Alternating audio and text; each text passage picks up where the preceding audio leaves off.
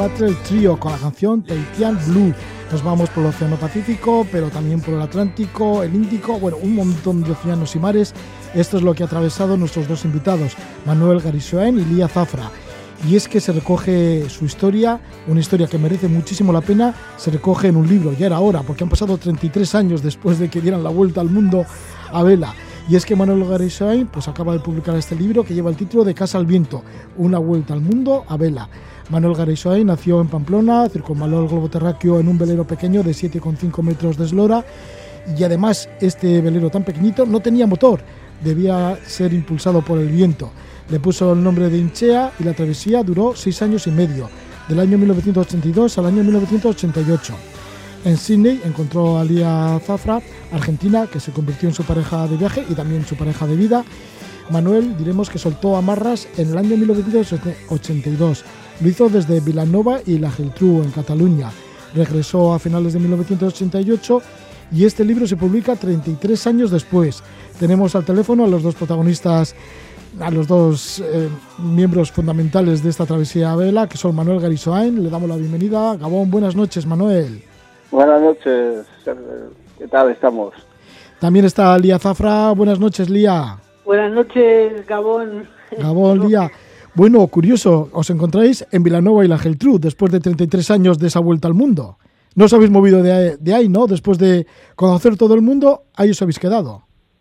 Bueno, eh, es más o menos, porque después de dar la vuelta al mundo hemos hecho muchos traslados de barcos desde, desde Estados Unidos, desde el Caribe. O sea, movernos nos hemos movido. Lo que pasa es que eso sí, la, digamos que el lugar principal o el sitio eh, base sí que siempre ha sido el mismo, siempre ha sido Vilanova de Geltrú, porque es una es un pequeño pueblecito, una pequeña ciudad muy agradable. Y allí encontraste tu barco, ¿no? El. Ahí compré, sí, sí, sí, aquí compré mi barco y, bueno, y aquí hemos decidido volver, sí. Y hacer una familia, Lía, porque ahora tenéis dos hijos. Sí, sí, tenemos un chaval de, que acaba de hacer 26 años y la nena que ha hecho, bueno, ahora 25 en enero, ha hecho 24 este 2021. Lía, cuando tú te fuiste de Argentina a Australia, ¿sabías que te iba a pasar todas estas cosas? Bueno, ¿qué ibas a saber? No, ni idea. No. no, bueno, de hecho yo de Argentina me fui a Sudáfrica y estuve dando vueltas también y bueno, volví a Argentina a través de Australia, era la última parada, digamos, y me volví a Argentina hasta que conocí aquí al Navarro, al Vasco Navarro, y, y hasta ahora, claro. Pero no, no, no, si me lo hubieran dicho, no me lo hubiera, no me lo hubiera creído, ¿no? Lía, ¿sí que llevabas un poquito en la sangre o bastante en la sangre esto de viajar, de conocer mundo? Sí, sí, a mí siempre me gustó viajar y yo tenía un pequeño velero en Argentina también, pequeñito, más pequeñito que el y bueno, sí, sí, me gustaba moverme, me gustaba viajar. Así que acabé la carrera, decidí irme a navegar, de hecho, luego pues las, las circunstancias que tiene en la vida, ¿no? Que vas de un país, vas a otro y, y ya me tocaba volver a, a la que era mi tierra y bueno, ahí apareció Manuel un día bajando las escaleras de, del bar del Club Náutico y, y hasta hoy, mira. Hasta hoy, pues sí. Ahí surgió un amor y bueno, y un gran viaje. Y esto fue en Sydney. Pero Manuel, antes de llegar a Sydney, estabas en Villanueva y la Geltrú, te hiciste con este barco que le llamaste Linchea. Pero ¿cómo se te ocurrió esto de comprar un barco? Porque claro, tú vivías en tierra adentro, en Iruña, trabajabas, lo único que habías andado algo a vela debía ser por el pantano de Yesa. ¿Cómo te vino toda la idea esta de tomarte un velero y dar la vuelta al mundo? Sí, no, no, no es fácil. Sí, bueno, la idea simplemente había sido, bueno, siempre me gustó eh, eh, viajar. Nunca había pensado en un barco, siempre pensé pues en, en autobús, en, los trenes y tal. Hasta que un día, bueno, en un viaje que hice a Grecia, vi a los barcos que estaban ahí fondeados en el puerto de, de Míconos y, se me encendió la luz, ¿no? Y luego resulta que en, en Yesa tenía un amigo que, que bueno, que tenía un, un un barquito pequeñito de cinco metros, y me invitó un día a navegar y entonces me di cuenta de que aquello se movía con el viento que, que tenías donde dormir, que tenías donde hacerte la comida y pensé, Buah, esto es esto es lo ideal. Y ahí empezó todo, ahí empezó la idea de, de comprar un barquito y, y, salir a navegar. Eso fue. Sí, una forma fácil, bueno, entre comillas, no, no tan fácil, pero bueno, una forma de, de, llevar tu propia casa y con ella dar la vuelta eso al mundo. Es, Igual por eso es. llamas al libro así también, Casa al Viento. Claro, eh, bueno, la idea del nombre fue simplemente buscar un nombre que sonase a vasco, que no significase nada, que fuese un nombre propio para el barco. Eh, entonces lo que hice fue eh, buscar una serie de letras que, que, que, cuando las conectes sonase a vasco, de ahí me salió el nombre de Icea, que más o menos me gustó. No pe pensé que no significaba nada, de hecho creo que no significa nada, pero un día en, en Costa Rica, encontré un vasco por allá que era profesor de filosofía y de matemáticas y hablando con él un día me dijo, hombre, Inchea, pues eh, casa al viento significa. No sé si significa eso o no, seguramente no, pero me encantó el nombre y ahí se quedó. Sí, pero claro, tu barco, el Inchea, no tenía motor, no tenía electricidad. No. Y, y bueno, y tú no tenías ni nociones de náutica, o apenas, nada, ¿no? Nada, lo único nada, lo del pantano de Yesa, pero no mucho más. Nada, cero, no tenía ni idea, no, no. Simplemente eso, sí, sí, crucé el Atlántico con el sextante y, haciendo nada más que la recta de la meridiana con el, con el sol. Pero luego tuve la gran suerte en, en, en Costa Rica de encontrar con un, con un capitán de, de mercante eh, de Bilbao y este me enseñó todo. Me enseñó todo lo que tenía que saber con el sextante, ¿no? La recta de altura con, con los planetas, con la luna, con el sol, con las estrellas, con todo. Y gracias a él conseguí darme la vuelta al mundo, porque si no era muy precario, ¿no? Simplemente con, con la meridiana con el sol, era, era muy... Con la meridiana con el sol únicamente puedes tomar una posición al día. Sin embargo, con, con las rectas de altura puedes tomar las que quieras. Entonces, claro, era mucho más seguro, ¿no? Y gracias a él, gracias a él, bueno, conoces un poco la, los nombres de las estrellas, sus posiciones, eh, te haces un poco más partícipe de, de, del universo en sí, gracias a él. Esa es la parte romántica, digamos, de, del viaje. Sí, este capitán de la Marina Mercante es Marcelino Gorostiaga. Gorostiaga, sí. Sí, que fuiste en donde él y te dijo, pero bueno, ¿cómo llegas con ese velerito? ¿Cómo has cruzado el Atlántico sí, y llegas hasta aquí, hasta Costa Rica y encima quieres dar la vuelta al mundo? Sí, sí. Le dijiste, bueno, pues si alguien me quiere enseñar, y dijo, bueno, pues sí, ahora te voy a poner al primer oficial que te va a enseñar bien. Y bueno, y es que te enseñó tanto y además te regaló un, un sextante de estos británico, ¿no? De los de verdad. De los de verdad, así de, de bronce. Sí, sí, de bronce y plata, un sextante precioso que, claro, naturalmente lo conservo como un, vamos, un, tro un trofeo. Y, y, gracias a él, sí, sí, porque yo llevaba un sextante de plástico malo, feo y, y, y poco fiable, ¿no? Y sin embargo, con este, la precisión era perfecta, sí, sí. Manuel, y cuando llegaste, bueno, primero en el Mediterráneo, luego a Cádiz, de Cádiz pusiste rumbo a las Palmas de Gran Canaria, que por cierto, te desorientaste y seguiste más allá de Canarias y dijiste, si me he pasado las Canarias y volviste de nuevo. y, claro, tendrías muchas dudas, ¿no? Como diciendo, bueno, a ver, es que yo no sé si estoy metiendo la pata o así, ¿qué pensabas? Porque claro, te esperaban muchos océanos. Claro, eh, hombre, sí, por supuesto. O sea, yo cuando salí de Cádiz eh, no fue fácil, ¿eh? No fue fácil salir, ¿eh? ¿eh? bueno, te lo planteas muchos muchos días y al final, eh, claro, tienes, tienes que tomar una decisión. O sales o no sales, no hay más. ¿eh? Entonces pensé, claro, si no salgo, va a ser algo que me voy a arrepentir toda mi vida. Va a ser algo que, que es, es el momento de hacerlo, ¿no? Ya más tarde ya no, no se va a poder hacer. Entonces pensé, mira, vamos allá y que sea lo que Dios quiera. Porque, claro, tampoco lo tenía muy claro, ¿eh? con el barco que llevaba y los conocimientos que tenía, no lo tenía nada claro. Pero pensé eso, pensé que, bueno, no tenía más que esas dos opciones, ¿no? O salir o no salir. Y pensé, bueno, vamos adelante y que sea lo que Dios quiera, tú. Pues sí, y así fue, ¿no? Llegaste a Las Palmas y de Las Palmas a Cabo Verde y ya estaba el Océano Atlántico, para atravesar el Océano Atlántico.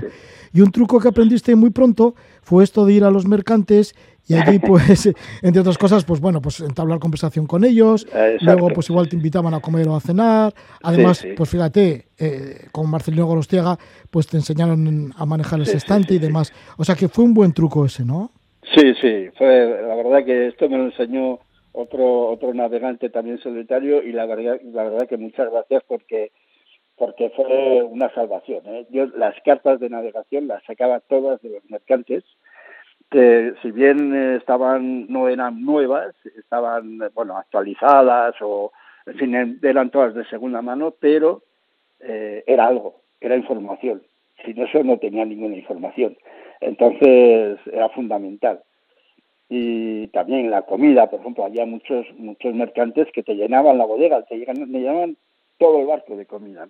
El agua, por ejemplo, había muchos sitios, muchos eh, países en los que no te puedes fiar de cómo está, de la, salud del agua, ¿no? Entonces te ibas al mercante y, yo llenaba los depósitos de ellos, del agua de ellos. Y muchísimas, bueno, aparte, aparte de la cantidad de, gente que conoces, capitanes, eh, oficiales, y de lo bien que te reciben, porque claro, para ellos tú eres algo nuevo, algo diferente, algo, algo fresco, ¿no? Y, y para ti también. sí, alguien que tiene que contar muchas historias. Sí, exactamente, que les cuentas, cuentas historias y que, y que son, no sé, anécdotas totalmente diferentes a las que ellos viven. Entonces, claro, a ellos les gusta y a ti también. Así es. Manuel, ¿y disfrutaste del cruce del Océano Atlántico, tu primer océano? La verdad que fue, uh, de hecho, o sea, yo salí con la idea de, de llegar de, desde Cabo Verde, con la idea de llegar a Barbados, y sin embargo, pues tres o cuatro días antes de llegar a Barbados, cambié el rumbo y dije, no, bueno, paso de ir a Barbados, quiero continuar. Y, y pensé, bueno, me voy hasta Venezuela y paro en Venezuela, pero ya una semana, una semana más de navegación, ¿no? Porque estaba muy bien, estaba totalmente tranquilo, totalmente relajado eh, y, muy, muy, muy a gusto, la verdad.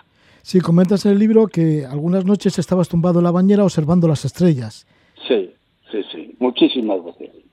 Muchísimas veces y eso te hacía, al menos a mí, ¿no? Me hacía un poco sentirme partícipe de, de, de todo lo que nos rodea, ¿no? De, de sentirte una parte de, del universo, ¿no?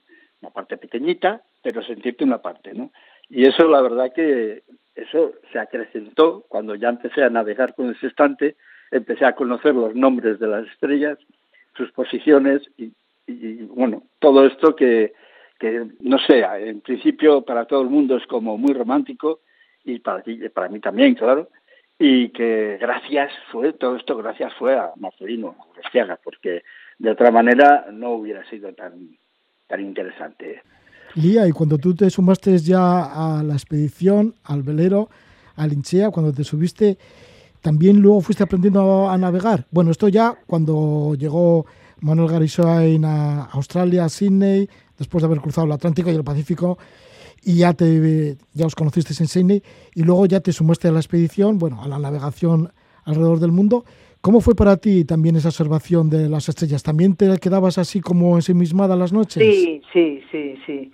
Sí, de hecho, yo que me considero una persona muy sociable, yo necesito gente, yo necesito hablar, o sea, no soy, no sé, necesito la sociedad, necesito gente amiga alrededor, ¿no? Necesito hablar y escuchar, y, no me lo podía creer. Yo le preguntaba a Manuel, ¿no? Antes de zarpar, le decía, pero ostras, esto, claro, un velero sin motor, pues eran travesías de, de 28, 30 días.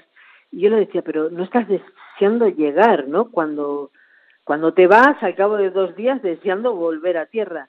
Y me decía, no, no, no, ya verás que no. Y yo no me lo podía creer. Yo, como yo soy, que hablo bajo el agua y, y necesito interactuar con más gente decía, no, es imposible, ¿no? A ver, a ver, yo dije, bueno, vamos a ver, a ver cómo lo llevo yo.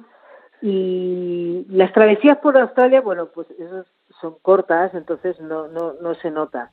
Pero yo recuerdo la primera larga travesía que hice que, que le di la razón. Es que no te quieres bajar del barco. Te sabe mal llegar a tierra. Estás tan a gusto, estás tan en tu mundo. Eh, controlas todo porque eres tú el que controla. Lamentablemente estamos en una sociedad que nosotros no controlamos nada, ¿no? O prácticamente nada.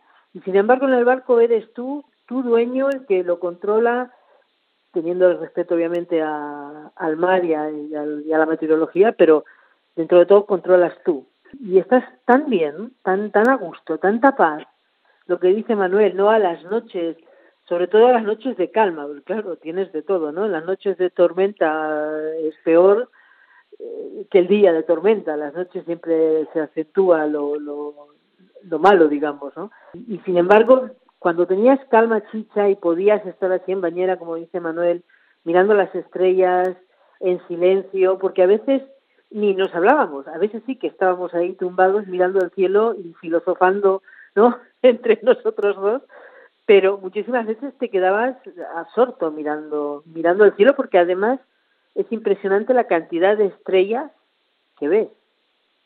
la, contaminación lumínica es, es, algo que no te das cuenta hasta que, al menos a mí, me pasó que yo no me di cuenta de tanta contaminación hasta que estuve en el medio del océano sin una luz alrededor y con todo el cielo sobre tu cabeza, ¿no? Y, es impresionante, millones, millones, millones, millones de estrellas que ves. Pues sí, toda, una gozada, que con la contaminación lumínica nos lo estamos perdiendo. Pero volvemos de nuevo a Manuel como navegante solitario. Cuando estás cruzando el Océano Atlántico, esos 19 días, que estás llegando a costa, al otro lado ya América, y dices, ay, quiero continuar, me voy para Venezuela. Y así llegaste a La Guajira. Y luego estuviste en Las Roques, que dices en el libro que es sinónimo de paraíso. ¿Con qué te encontraste en La Guajira y en Las Roques? Bueno, La Guaira. La Guaira es... oh, La Guaira, perdona, ¿eh? La Guajira está en Colombia, La Guaira en Venezuela, sí. Sí, es un puerto comercial. ¿eh? Lo que pasa es que, bueno, ahí, ahí sí que encontré, pues eh, fue la primera llegada, digamos, a un puerto, a un, a un lugar eh, habitado, ¿no? Después de cruzar todo el Atlántico y después de mi primera travesía, ¿no? La primera travesía grande. Entonces, bueno, la verdad que encontré muy buena gente, eh, de hecho, encontré a, a un yo, llegas a un puerto que no tienes ni idea, no, conoces nada. Entonces yo me, me abarroé a un remolcador y, y los del remolcador enseguida me cogieron, me metieron en, en su barco, me invitaron a cenar, me invitaron a todo, ¿no? Enseguida, sin ningún problema, ¿no? Y, y la verdad que muy bien. Lo que pasa es, bueno, y luego eh, siempre, siempre estás pensando un poco qué va a pasar o qué vas a hacer o qué eh, y, bueno se va haciendo el día a día. Luego los roques es, es otro mundo. Los roques es un tipo de islas muy especiales son islas coralíneas muy bajas muy muy muy pequeñas muy no pequeñas sino bajas de, altura con respecto al nivel del mar y bueno, es, es diferente, es una, una, navegación diferente entre ellas. Eh, para mí fue la, primera vez que encontré un tipo de islas así y no me atreví a entrar dentro de, los roques y más vale que no lo hice porque, claro, yo no llevaba ningún tipo de carta náutica. Entonces me quedé fuera muy, pero muy bien, porque estuve, o sea, eché el ancla fuera de las, de las islas, pero claro, yo llegué a tierra y, y bueno, disfruté unos días de, de, los roques, ¿no? De los cocos, de las, de las langostas, un poco de todo. No, muy bien, fue, fue una experiencia muy, muy interesante. Sí, ya estabas, claro, ahí estabas ya en América, en el Caribe, en La Guaira en Venezuela, en Los Roques también, ahí en Venezuela, y luego te fuiste a Bonaire y de allí hacia Panamá. Lejos de la costa colombiana, pues temías a los piratas de por aquel entonces. Sí, sí, y ya en Panamá, fíjate, te cayó un rayo, cayó un rayo a Linchea, que bueno, por poco no lo cuentas. Horroroso, exacto. Horroroso y tal, porque lo lees el libro y dices, bueno, que le ha caído un rayo impresionante y menos mal, bueno, cuéntalo tú. Sí, bueno, más vale que no estaba yo en el barco. Sí, sí, menos mal. Sí, sí, porque, bueno, yo, yo llegué ahí a, a Panamá y, y, bueno, amarré el barco en un muelle que tenía la pared, era metálica, la habían, habían hecho una, con una pared metálica de hierro, pues habían rellenado, habían hecho el límite con esa pared y la habían rellenado de cemento y, tal, ¿no? el típico muelle, digamos, de mercante. Entonces yo amarré ahí, pues pasé aduanas, pasé todo esto y, y, por la tarde me fui a pasear, a dar una vuelta y encontré allí también un capitán muy joven español de un, de un mercante que, bueno, enseguida hicimos amistad, me invitó al mercante a tomar una cerveza, tal y cual, y esa noche cayó una tormenta, bueno, típica tormenta de, de, del trópico, pues a, a la bestia. ¿no? Había muchísimo, eh, había rayos por todas partes, y al parecer, bueno, cayó un rayo muy cerca. Nosotros estábamos en el mercante, en el puente de mando, eh, tomando una cerveza, y cayó un rayo. Cayó tan cerca que nos asustamos, ¿no? Y dijimos. Vámonos de aquí porque ha caído muy cerca, ¿no? Y yo pienso que ese mismo rayo fue el que cayó en el agua, muy cerca de mi barco, la chispa del rayo seguramente saltó del agua al, al muelle metálico y del muelle metálico saltó a la, a la orza de mi barco. Y de la orza salió por uno de los tornillos de la orza al interior del barco. Entonces reventó todo lo, toda la fibra que había encima del tornillo de la orza, reventó la mesa que estaba justo encima de ese tornillo, eh, destrozó la batería, todo, todo, todo lo que había de electricidad. Tenía yo yo una radio, una radio de, pequeña, una radio normal, una radio de música, ¿eh? La, la quemó y, bueno, cuando yo llegué al barco a la noche, me encontré con todo hecho, todas las maderas hechas astillas, eh, la fibra de vidrio por todas partes. O sea, que más vale que no estaba yo dentro, porque si no, lo normal hubiera sido que si hubiera estado sentado pues eh, de, de, al lado de la, de la mesa de, de la mesa no pues, o bien leyendo comiendo lo que sea y me hubiera me hubiera alcanzado o sea, de lleno te hubiera alcanzado el rayo y bueno y no lo habrías contado seguramente no, no. sí seguramente así que por suerte el Inchea navegó y siguió de Panamá a Costa Rica Ahí estuviste consiguiendo dinero a cuenta de una especie de pequeño contrabando que hacías con perfumes sí. y cosméticos.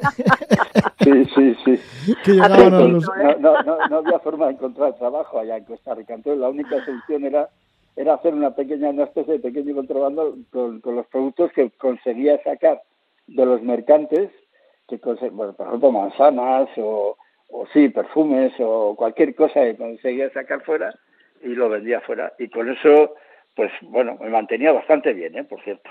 Sí, bueno, pues ya estabas preparado para cruzar el canal de Panamá, pero tenías grandes miedos, ¿no? Tus mayores miedos sí, de cómo sí. pasar el canal de Panamá sin motor.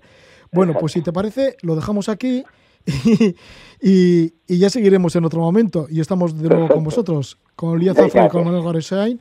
De todas formas, el que quiera saber más y toda la historia al completo, está el libro Casa al Viento eh, Casa al Viento con el subtítulo de Una Vuelta al Mundo a Vela, de Manuel Garisoain. ¿Cómo se puede conseguir el libro? Bueno, como todo, en Amazon. Esto no falla.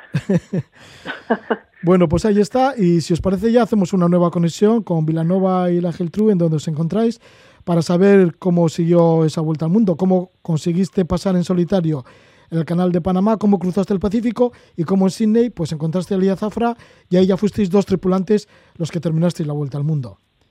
Muy bien, así quedamos pues.